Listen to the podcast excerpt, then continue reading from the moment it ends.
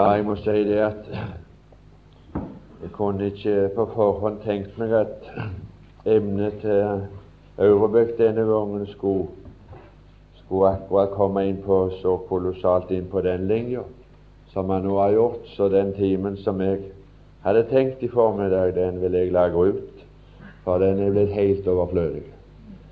For jeg, som jeg sa i går, så tenkte jeg på altså at vi skulle skulle stansa litt for det, at han førte barn til herlighet, og at det er ikke en herlighet som er tilkommende, men det er en herlighet som er, han har ført oss til her. Og noe av det som den herligheten består i, det er det at som barn, som troende, som er blitt barn av Gud, så har vi foreldre. Vi har far, og vi har mor. Vi har en åndelig far, og vi har en åndelig mor. Vi er ikke foreldreløse. Jeg vil bare minne om et eneste vers i den forbindelsen som kunne, så kunne kanskje være til hjelp for noen. I 2. Korintiabrev 12.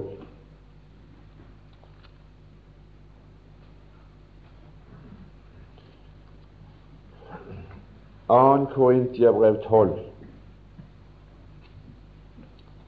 det 14. vers. Og jeg skal si at det var, det var en herlighet han førte sine barn til, så, så, så var i stand på forhånd.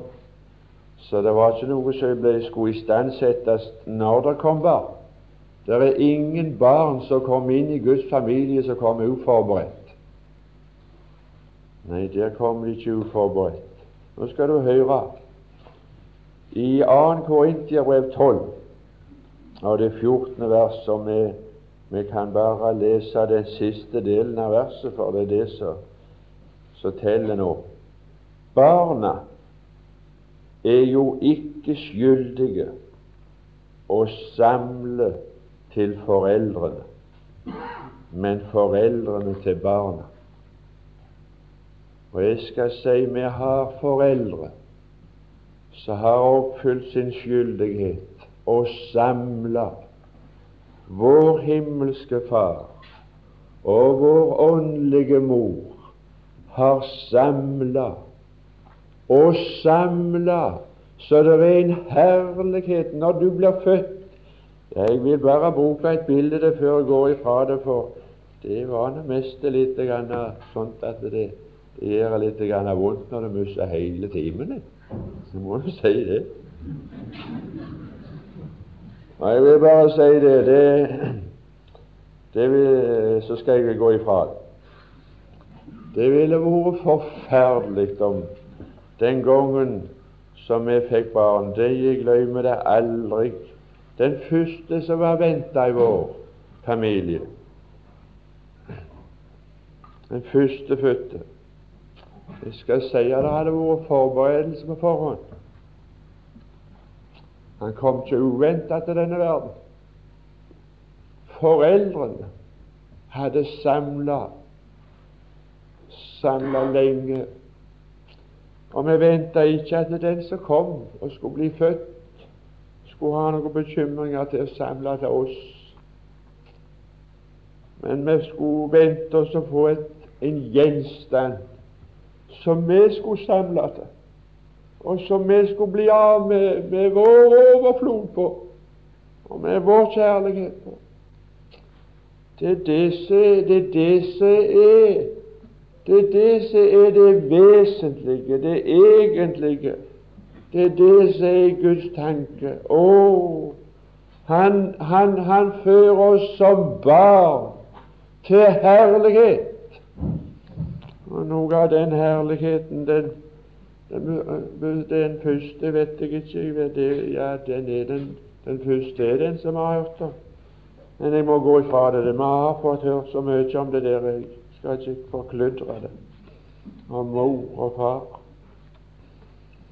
Vi skal lese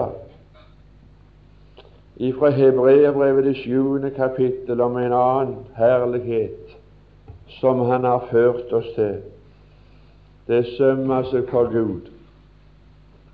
og føre oss til herlighet. Det er ikke noe så fremtidig. Nei, da er det noe helt annet, altså, når, når evigheten begynner, når han kommer til himmelen og kommer til Gud og kommer til Kristus. Det er noe helt annet ting han skal føre oss til da.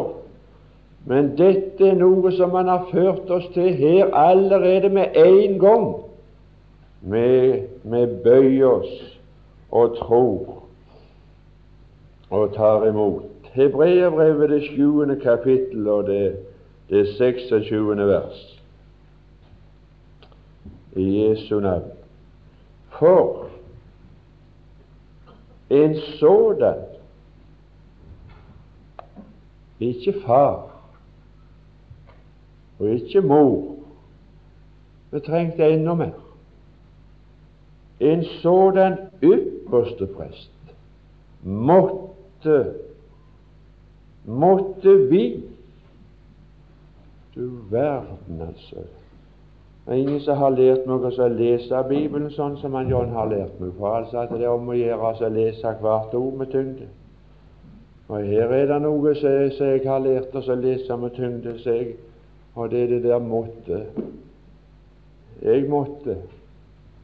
Og det hadde jeg lyst til å gi deg opplysning om nå, du ungdom som er så redde for, og som, som, som jeg òg er så redde for, og som har det vanskelig i denne verden med, og som skal leve og forsøke å ta deg fram som en bekjennende kristen i denne verden, ja, det er jammen ikke spøk. Jeg skal fortelle fra i går når jeg gikk ifra timen min så måtte jeg, kunne, måtte jeg sløyfe middagen, for vi hadde, vi hadde fått feber, guttungen min, sa så kona mi kunne ikke løse av bort i forretningen, så måtte jeg gå og løse av han så står det så at han fikk seg mat. Og så, så gikk jeg i denne dressen. Og så, så var det kø, og så var det masse folk. Så var det en kar som har gått der i tid, og så, og så sa han så så Jeg sa 17. mai-sløyfe er det der.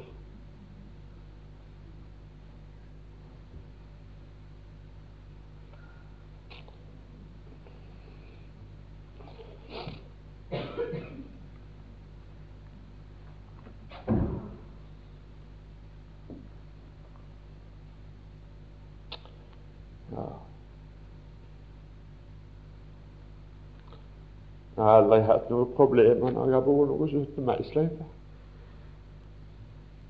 Det har aldri vært noe problem.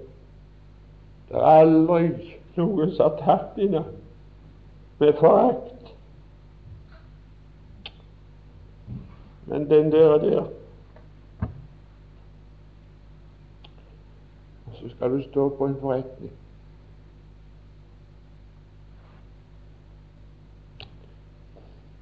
Ja, ja, det er vanskelig. Jeg vil si at det er vanskelig. Jeg vil si at jeg trenger åndelig opplysning for i det hele tatt å bevare frimodigheten. Og den frimodigheten, den må jeg ha herifra. Det må jeg. Og nå skal du få høre på noe som jeg, jeg måtte ha. Og hadde jeg ikke hatt det, så hadde det faktisk talt ikke hjulpet verken med far eller mor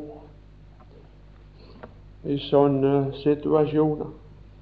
Jeg måtte, ha, jeg måtte ha noe mer i mitt forhold som et frelst menneske eller en åndelig far og en åndelig mor. Jeg må ha en ypperste prest.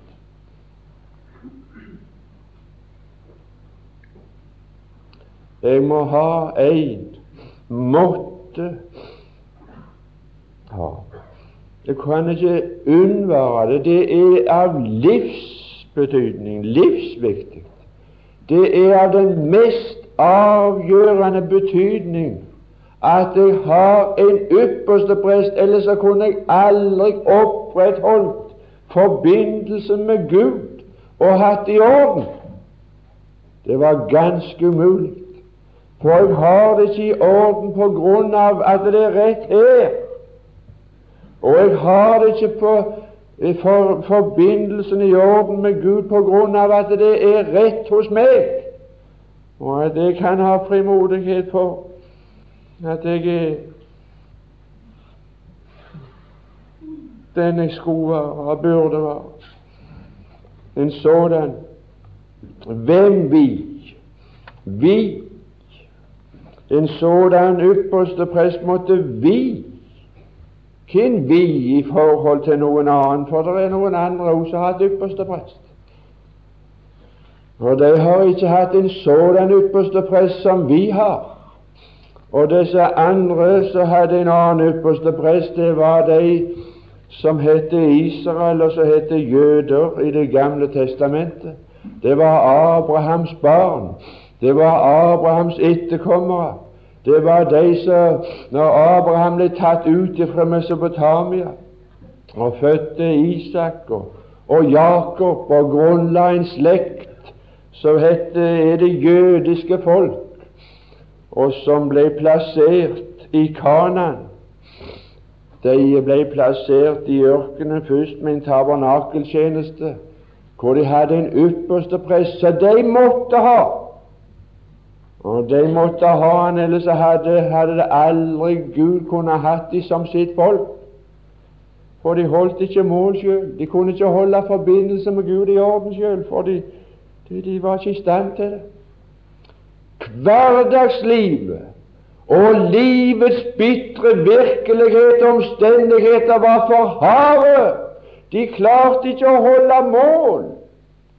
Og derfor måtte det være en som var atskilte ifra alt som hette verslighet og jordiskhet og alle sånne forbindelser. De måtte ha en ypperste prest, og de fikk Aron til ypperste prest. Men uh, du vet Aron han var sånn at han døde, og så måtte de få seg en, få seg en ny. Nei, vi har, vi har en sådan. Og disse vi vil jeg få lov å lese her fra Hebreabrevet 3, 1, og finne en beskrivelse av hvorledes disse vi er. Og så leser jeg meg sjøl inn i det. Det er ikke vanskelig å lese meg inn i det, for det er sant om for mitt vedkommende. Det er så sant så to og to er fire. Det kan ikke forandre seg som om som Derfor, hellige brødre, I som har fått del i et himmelsk kall, det har vi fått del i. Det er helt ganske sikkert. Derfor gi jakt på den ypperste prest som vi bekjenner. Det var noe med den ypperste presten som vi måtte ha. Og når Gud førte oss, så førte Han oss til herlighet. Og det er noe av den herligheten er at vi har en sådan ypperste prest. Jeg er ikke sikker på Jeg er ikke så ganske sikker på Nei, jeg føler meg helst voldsomt usikker på Jeg tror det er ganske få i denne forsamling av disse tilreisende av disse unge som har fått øye på den herligheten som Gud har ført sine til. Det er bare øya på det og få se det, gi akt og betrakte det. Og det var det jeg hadde lyst til å prøve. Ypperste prest. Det kommer seg bort ifra begrepene at det, det, er vanskelig for oss å ha en forestilling om hva de virkelig inneholder. Hva forbinder du med en ypperste prest? Hva, hva står en ypperste prest for? Ja, den eneste plassen jeg kan få en beskrivelse av det, det er i Bibelen. Og i Bibelen, i Det gamle testamentet, der fortelles det, og her i det hebreerbrevet så fortelles det også at en ypperste prest det er én mann som representerer mange. Gud vil ikke ha med alle å gjøre. Han vil ha med bare én å gjøre. Men når han har med den ene å gjøre, så har han med det alle å gjøre. Så han er ypperste prest på.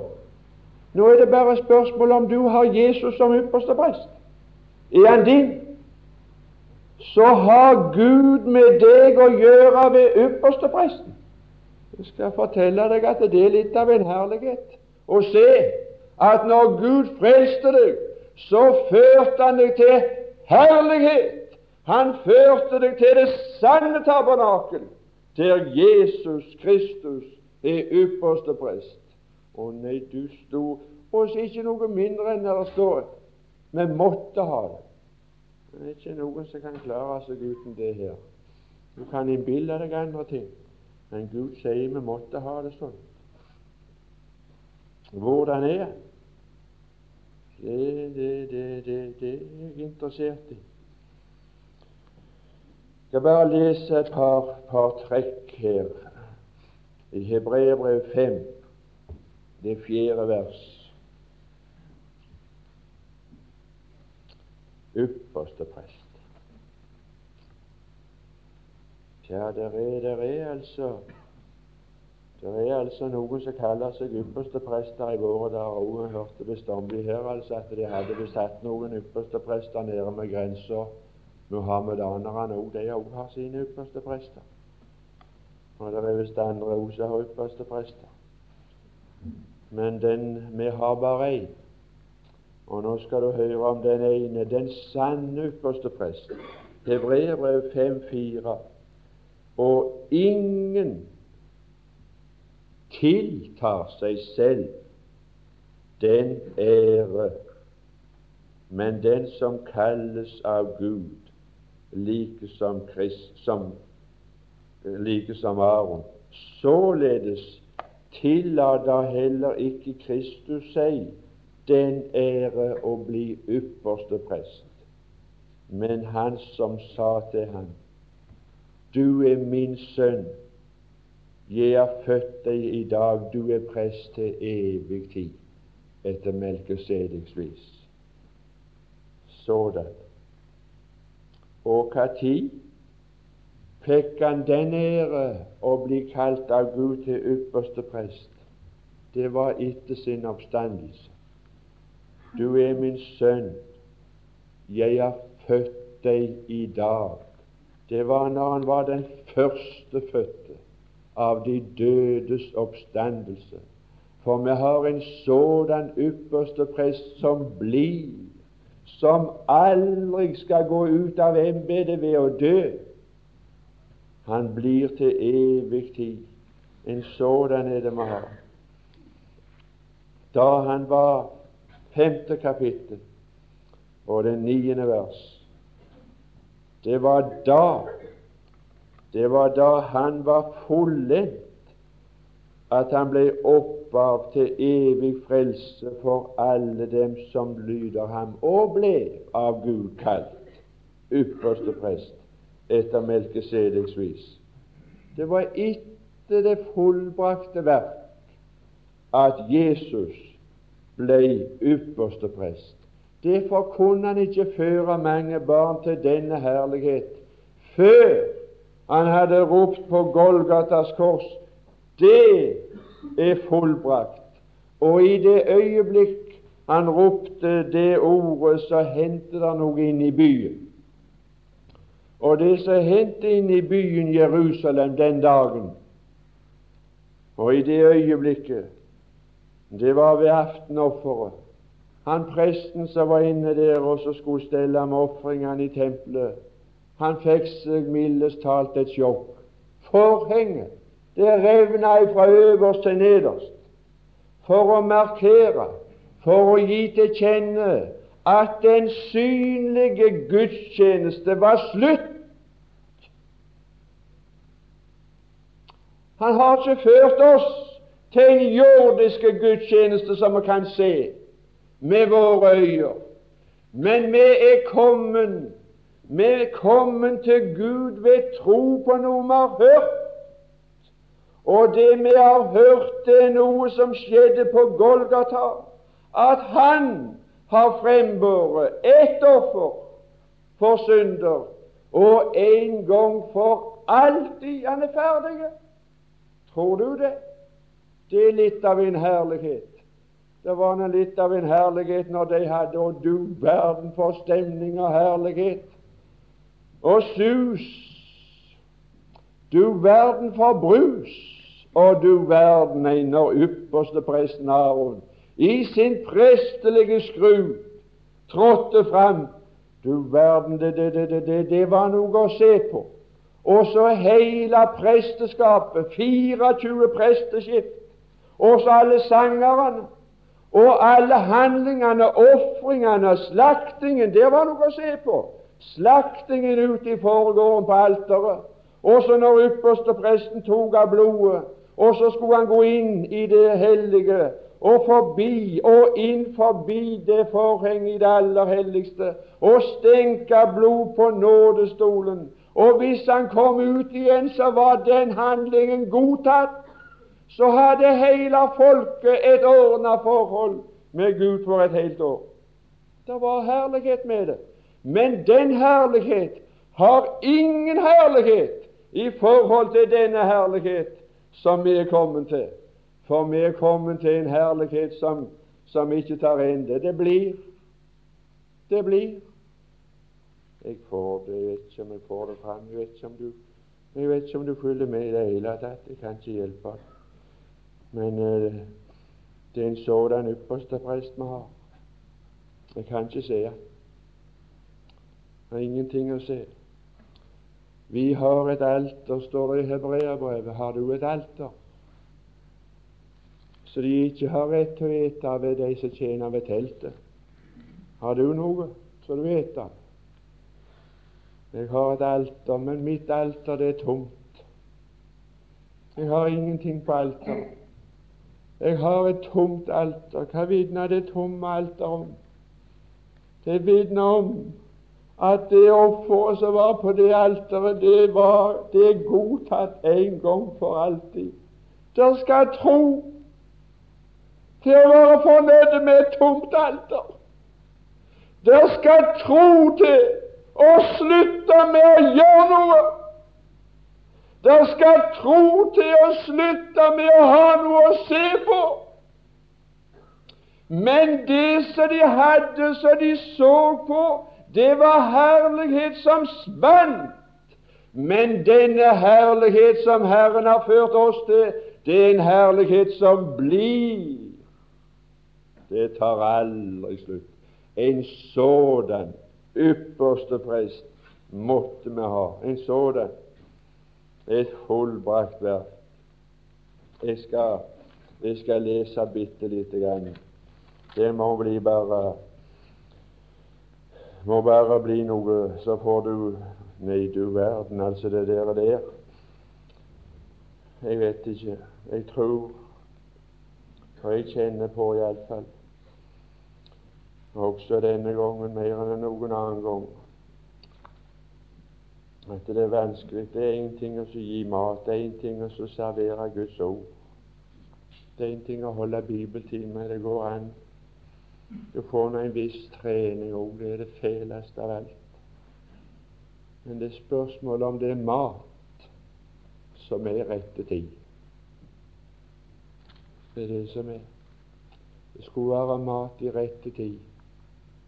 Det skulle være mat som du hadde behov for, så du kunne fordøye, så du med ditt fordøyelsesorgan, du på ditt utviklingsnivå kunne ta imot. Kan ut av det servere sannheter hvis, de ikke, hvis du ikke kan ta dem?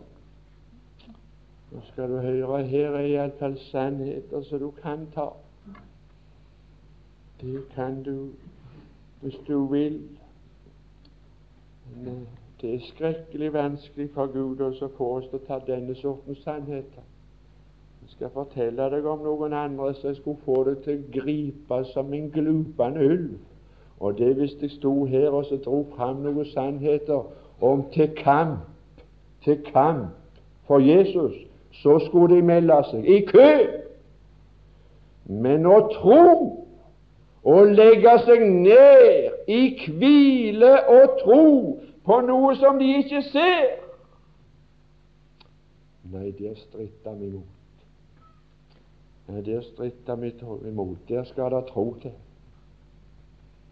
Det skal det. Der skal det ingenting til fra oss. Nå skal du høre hvorledes han er, den som måtte ha den ypperste presten som sømmer seg for oss.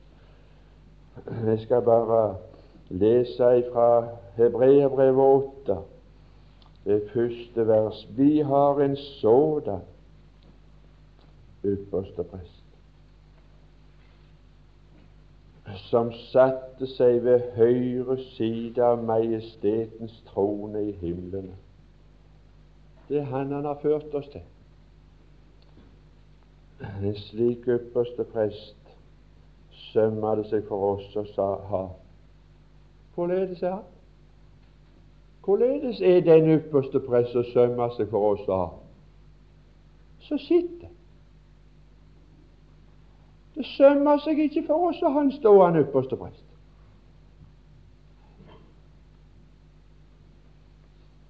Pass deg at du ikke tillegger ting usømmelige, tillegger Gud usømmelige ting. Det sømmer seg ikke for Gud å føre oss til en ypperste prest som står. Han har ført oss til en ypperste prest som sitter. En sådan ypperste prest som satte seg. Hva er det for noe? At han sitter? Å, det er noe av herligheten, det. Det er noe av herligheten han har ført oss til det. At den ypperste presten som vi har, han sitter på et fullbrakt verk. Kan han sitte, så kan vel jeg sitte. For det står og faller med ypperste presten. Gud har med den ene å gjøre. Det er ikke en privatmann som sitter, men det er vår ypperste prest som sitter. Å, og så sitter han der. Han sitter ved majestetens høyre hånd. Nei, du store min, altså. Nå må du lese. Nei, herlighet, Hebreabrevet 10. Ellevte vers. Her har du motsetning. Her har du motsetning på herlighet. Det herlighet som var, har ingen herlighet i dette stykket imot denne herlighet som vi er kommet til.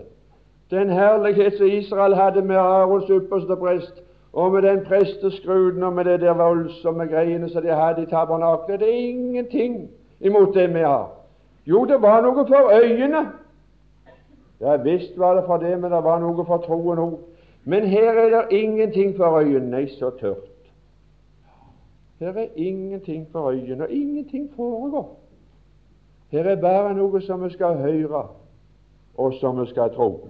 Og nå skal du høre på motsetning. Det var Hebreabrevet 10 og det 11. vers. Før Kristus ble ypperste prest, så var tilfellet og Guds forordning det at hver prest står og står daglig og gjør tjeneste. Hva slags tjeneste var det? Jo, de gjør tjeneste og bærer og bærer mange ganger fram hva for noe? De samme offer. Det var en gjentagelsens tjeneste. Det måtte bli litt kjedelig i lengden. Det måtte bli litt kjedelig i lengden, men aldri hadde de lov å stanse. Hver prest står daglig. Hva var den tjenesten der? Det var en fordømmelsens tjeneste. Det går aldri an at han setter seg ned, for synden er ikke tatt bort. Gjelden er ikke betalt. Det er bare blitt et ordna forhold. Jeg skal bruke et bilde, så kanskje du ser det. Jeg, eh, jeg kan bruke det hjemme òg. Jeg har brukt det andre veier. Folk kjenner meg her, og de vet om det. Hadde og En som savna skrekkelig for møtene her denne gangen, som var på bibelkurs og trofast på alle timene sist. Så ikke har helsa til det denne gangen. Ikke bare én, men flere, men det var en spesielt jeg tenkte på nå. To er. Så har vært formann i dette bedehuset i hele Veksla på det i hele sitt liv. De har ikke hilsa til. Det er ikke lysten som mangler at de ikke De hadde hatt en bedre mulighet til å forstå det, det som jeg sier. Men det var når krigen var slutt og jeg begynte for meg sjøl, så var det skrekkelig lett å få låne penger etter krig. Det var forferdelig lett. Det var litt for lett, tro. Og hadde det ikke vært det at det var sånne inflasjonsgreier som vi har opplevd, at uh, så, hadde, så vil jeg si at det lukker bedre enn forstand. For jeg hadde kommet meg opp i ei gjeld som hadde vokst meg over ørene. Og jeg hadde jeg hadde aldri klart å komme ut av det hvis ikke altså inflasjon hadde vært med. Og så, og så hjalp det til at det hadde blitt lettere. Men så steg verdiene, og så, og så ble det lettere å betale. Men mens jeg hadde det der forferdelige presset med den der med den gjelda, ei forferdelig Til slutt så måtte jeg hadde jeg det i Haugesund i en bank, og han banksjefen hadde jeg forferdelige plager Han ringte og, og så når det var for mye. Og så, og så, så, så måtte det ordnes opp i disse greiene. Og så, så var det en smarte måte å ordne det på. Det var bare å reise til byen eller få ned en lapp og så skrive navnet sitt. Og så hadde jeg fred for han i tre måneder. Tre måneder mens jeg fikk fred. For den summen. Men så var han der igjen. Så var det meldeselging, altså at det, at du står i gjeld. Det må ordnes opp, dette her. Og så kom det en dag når jeg realiserte det der greiene. Der det hadde gått så mange år, og inflasjonen hadde vært slik at jeg realiserte hele den der greia der på en sånn måte at jeg betalte den gjelden min. Og så fikk jeg et brev fra den banken hvor de takket for forbindelsen og takket for at det var betalt. Og jeg har aldri hatt en møye med den banksjefen mer. Jeg har aldri fått en minneseddel om gjeld mer. Jeg skal fortelle jeg er kommet til herlighet. Jeg er kommet til herligheten. Jeg er kommet til en ypperste prest som har sett seg på et fullbrakt verk, og han skal slippe å reise seg mer. Der kommer ingen minnelser om synder lenger, fordi det er betalt. Det er saker, det. Det er saker. Å være kommet til Gud, til herlighet, at gjelden er betalt. Jeg skal lese det ordrett. Det er ikke det, det, det. Hvis det var jeg som hadde en sånn lettsindig kristendom, så ville det være forferdelig. Men det er herlighet jeg er kommet til. Det er ikke lettsindighet. Han har ført meg til herlighet. Det er ikke barna som er skyldige til å samle til foreldre. Dette er noe som Gud har samla til. Og så hadde han samla det før jeg kom, så det lå ferdig når jeg kom. Og du store min. Hebreerbrevet 10. For det, vers 1, når man leser litt der, så får det stå til For da loven bare har en skygge av de kommende goder, men ikke selve bildet av tingene, så kan den aldri ved de offer som de hvert år alltid på ny bærer frem, gjøre dem fullkomne som kommer frem med dem. Ellers ville de jo ha opphørt med å frembære dem da de ofrene ikke lenger ville ha synder på samvittigheten når de en gang var renset. Det der var umulig i Det gamle testamentet med de ypperste prester. Men ved dem, ved de ofringene, så kom det hvert år en minnelse om synder. Men ved at jeg har en ypperste prest som har satt seg, så får jeg uavlatelig minnelse om det er betalt. Han står ikke. Det ville være usømmelig om han nå står og bar fram et offer. Og Hvis du vil ha et av de beste ordene i den forbindelse når det gjelder, når det gjelder mitt forhold der så skal jeg lese det 18. verset i Hebreabrevet 10, så. og så skal du få, få en tjukk strek med deg hjem i Bibelen under ett ord i den, i det verset. Og, og så lenge så det er tilfellet, og så lenge så jeg lever i troen på det, så skal det aldri bli problemer. Aldri bli problemer. Men hvor der er Der setter jeg strek. Er. Men hvor der er forlatelse for synder, der trenges ikke mer enn noe offer for synd. Det er derfor han har satt seg. Han har satt seg for nå er det, og det skal aldri ta slutt. Men det djevelen vil, vil putte inn Det kan ikke nytte for deg lenger når du så kommer igjen og så får samme synd. Du må bare gi opp dette selvbedrag. Du må aldri innbille deg det går an å leve med Gud på en sådan måte jeg skal fortelle deg det går an så lenge det er. Så skal jeg gjøre meg bruk av at det er. Jeg vil tro Gud. Og så vil jeg gjøre bruk av det Gud har samla, det Han har samla. Det er syndenes forlatelse. Det er det eneste jeg trenger for å komme fram. Og det er La ingen få ta troen ifra deg på at nå er det slutt. Nå må du ikke komme mer. Å, der er Der er forlatelse.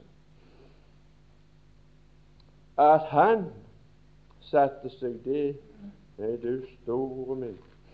Det var noe. Vi har en sådan ypperste prest. At han så sitter der han ypperste prest. Det er ikke en privatperson, men du verden hva Gud ser når han ser ved på høyre side si, han som sitter der. Ja, der, der er det sanne tabernakel. Der er det en som sitter. Ja, det er det. Det er en som sitter. Gud ser på sida av seg en som sitter. Og når han ser han som sitter, så ser han en som Aron avskygde. Hva ser han? Ser han en mann? Ser han sin sønn? Og langt ifra. Jo, han ser han. Men han ser noe mer. Han ser en ypperste prest. Og hva ser Gud når han ser ypperste prest? Han ser alle de han representerer. Ja, Det skal jeg lese for deg nå. Annen Mosebok, det 28. kapittel. Han sitter ikke der, altså. Han sitter ikke naken. Nei, han sitter der i prestelig, i ypperste prestelige skrud. Det gjør han. Han sitter der i ypperste prestedrakt. I 2. Mosebok, det 28. kapittel. Jeg kan ikke jeg kan ikke ta Du får lese sjøl der, men jeg kan få sette deg på sporet. Jeg vil bare nevne to ting med den ypperste prestens drakt. Og som Gud ser på den ypperste presten som sitter ved, i himmelen nå i det sanne tabernakel. Denne her, 2. Mosebok 28, han sto inne i det jordiske tabernakel i denne drakten. I det niende vers. Og du skal ta to onyksstener og på dem skal du inngrave navnene på Israels barn. Og tolvte vers. Og du skal sette begge stenene på livkjortelens skulderstykker, for at de skal minne Å, det er noe i himmelen på majestetens trone på høyre side det er noe som minner Når Gud ser på skuldrene hans, så ser han et skulderstykke, og de minner Her minte de om Israels barn, men vi har ikke en sådan ypperste prest, men vi er Guds barn. Vi har en sådan ypperste prest. at han på sine skuldre bærer oss. Ja, det står det. For at de skal minne om Israels barn. Og når Aron står framfor Herrens åsyn, skal han bære deres navn på begge sine skuldre for å minne om dem. Jeg har en som bærer meg der. Han har ført meg til herligheten. Han har ført meg til himmelen. I ypperste presten så er jeg representert der. For mitt navn, det er inngravert på hans skuldre. Han bærer oss på begge sine skuldre. Og det ligner han så, så lett etter det forlorne land. Og når han fant det, så tok han det og så la han det på begge sine skuldre. Og så bærer han det hjem. En sådan måtte vi ha. Jeg og du kan nok innbille oss at vi kan klare oss uten. Men Gud sier vi måtte. Å, han har ført oss til herlighet. Det var noe mer. Det å komme hjem det har med hans styrke å gjøre. Det har med at han kan bære oss hjem. Hvis han blir lei av å bære meg, hvis han blir trøtt av å bære meg og legger meg av, så blir jeg liggende igjen. Men så lenge han bærer meg hjem, så kommer jeg til å komme hjem. Og det eneste jeg har å regne med i så måte, det er Hans ord. Og når det er i onyxstener at navnene ble inngravert, så er onyxsteiner i Bibelen og i det praktiske liv aldri brukt i noen annen forbindelse enn når to inngikk pakt med hverandre, eller når én ville inngå pakt med en annen. Så gav han en, en onyxstein, og så inngraverte han det der. Og så, så, så så hadde de hans ord på det. Og hvis det var en mann som sto med sine ord, så ble den pakten innfridd. Og nå, og nå har Gud gitt oss en pakt, og så har Han gitt oss et ord på at Han skal bære oss hjem. Det var sådan ypperste prest vi måtte ha. Men det er et annet forhold med den ypperste prest. Det er ikke bare det, nemlig. Du skal lese der i det 29. vers i samme kapittel.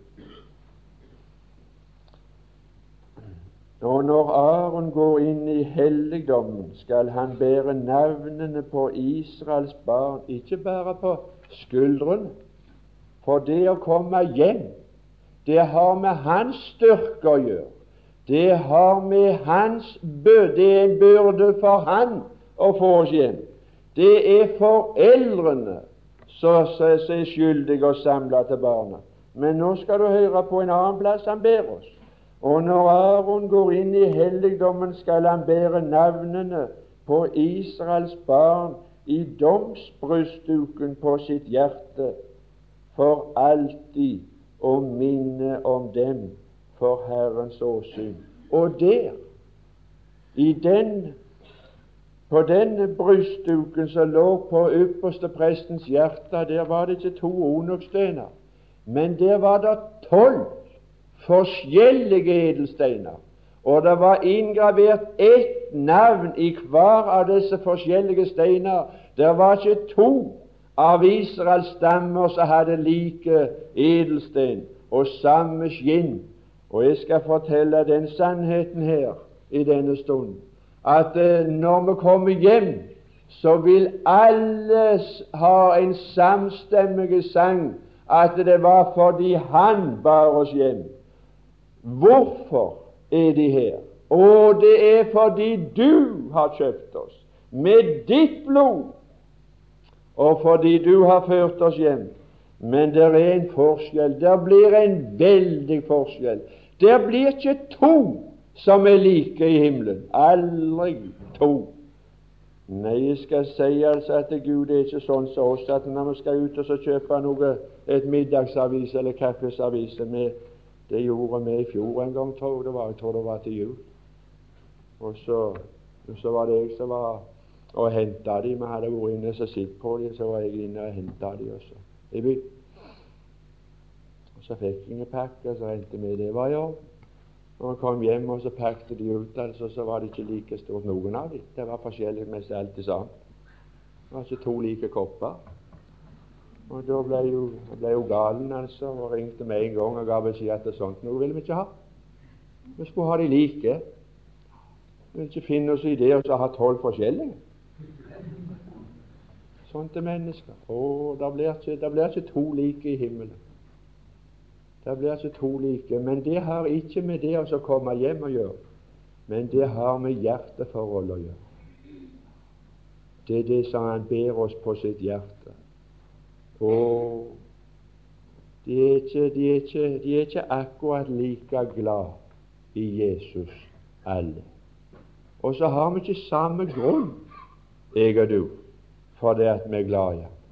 Og når jeg er bundet til Han med kjærlighet, så er det mine spesielle grunner. For jeg har mine spesielle svakheter, har mine spesielle vanskeligheter og mine behov. Og så er jeg blitt glad igjen for at Han ber meg på sitt hjerte. Skal, det skal være forskjell. Vi kommer hjem, men vi kommer hjem fordi Han ber oss hjem. Men når vi kommer hjem, så skal, så skal vi nok være stjerner, fordi Han lagde oss til himmelstjerner. Men den ene stjerna skal skille seg fra den andre stjerna i glans. Jeg kunne sagt noe om de edelsteinene. Jeg skal ikke gjøre det. Vi skal slutte der. Det er nok. Det er tilstrekkelig nok. Jeg vil bare, jeg vil bare si Han har ført oss til herlighet. Og det er en herlighet som Han har ført oss til her. Det blir noe helt annet de skal ta i besittelse når jeg kommer hjem. Ja, da skal jeg ikke ha bruk for det der og der. Jeg skal ikke ha bruk for det å ha en ypperste prest som kan bære over meg. Det skal ikke være bruk for overbærenhet.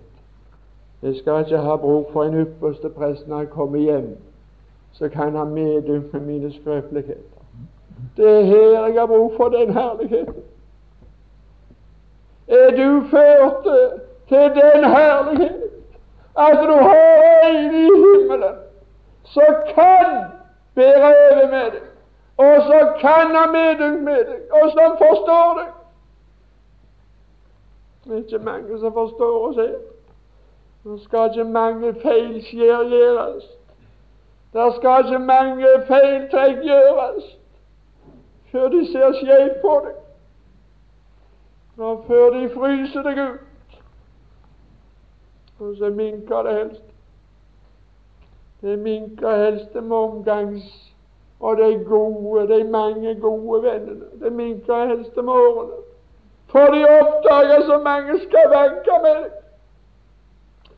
Og at han kunne være slik det hadde jeg aldri trodd, så jeg vil ikke ha noe mer med han å gjøre. Så lenge de innbilte seg det var noe utenom det vanlige, så ville mange. Men når de oppdaget, lærte å kjenne hva vi var, så minkte det. Det minkte sånn på Paulus at han hadde bare én igjen. Alle forlot meg. Men Herren sto hos meg. Jeg er kommet til en herlighet som er en herlighet for meg her. Jeg skal ingenlunde forlate deg. Jeg skal ingenlunde slippe deg. Fader, i Kristus Jesus måtte vi få lov å lære deg å kjenne i en større grad som ikke snakket så usømmelig om deg, og tenkte så usømmelig om deg. Men måtte du føre oss til, til kjennskap til den herlighet, det Faderhus. Og måtte vi kjenne dine faderarmer som favner oss. Nå måtte vi få lov også og så hvile trygt der ved mors bryst. Nå at vi får lov med Bibelen sjøl å være trygge. Om at vi får lov i troen å skue den herlighet som du representerer for oss, som vi er avhengig av i vårt forhold til deg som mennesker. Du er vår ypperste prest. Og når vi har så stor prest over Guds hus, så kan vi tre deg frem med frimodighet, med sandrue hjerter, i troens fulle visshet fordi Han har renset oss på hjertene fra en vond samvittighet. Legg velsignelse til dagen fortsett. Dere for ditt navn. Å, måtte det igjen i kveld. Å, men takker deg for de som kom. Nå begynner det å bli mange i tall. Så du har vunnet. Det er et under. Det er det somne som er mest det er mer under enn andre. Å, du verden, men det er noen som har fått forventninger om skal de bli mine nå, så skal få, skal få sin sjanse. Og dagene går så fort. Uka er snart slutt. Måtte det være mange som ble dratt inn i kveld med ber i ditt dyrebare navn. Amen.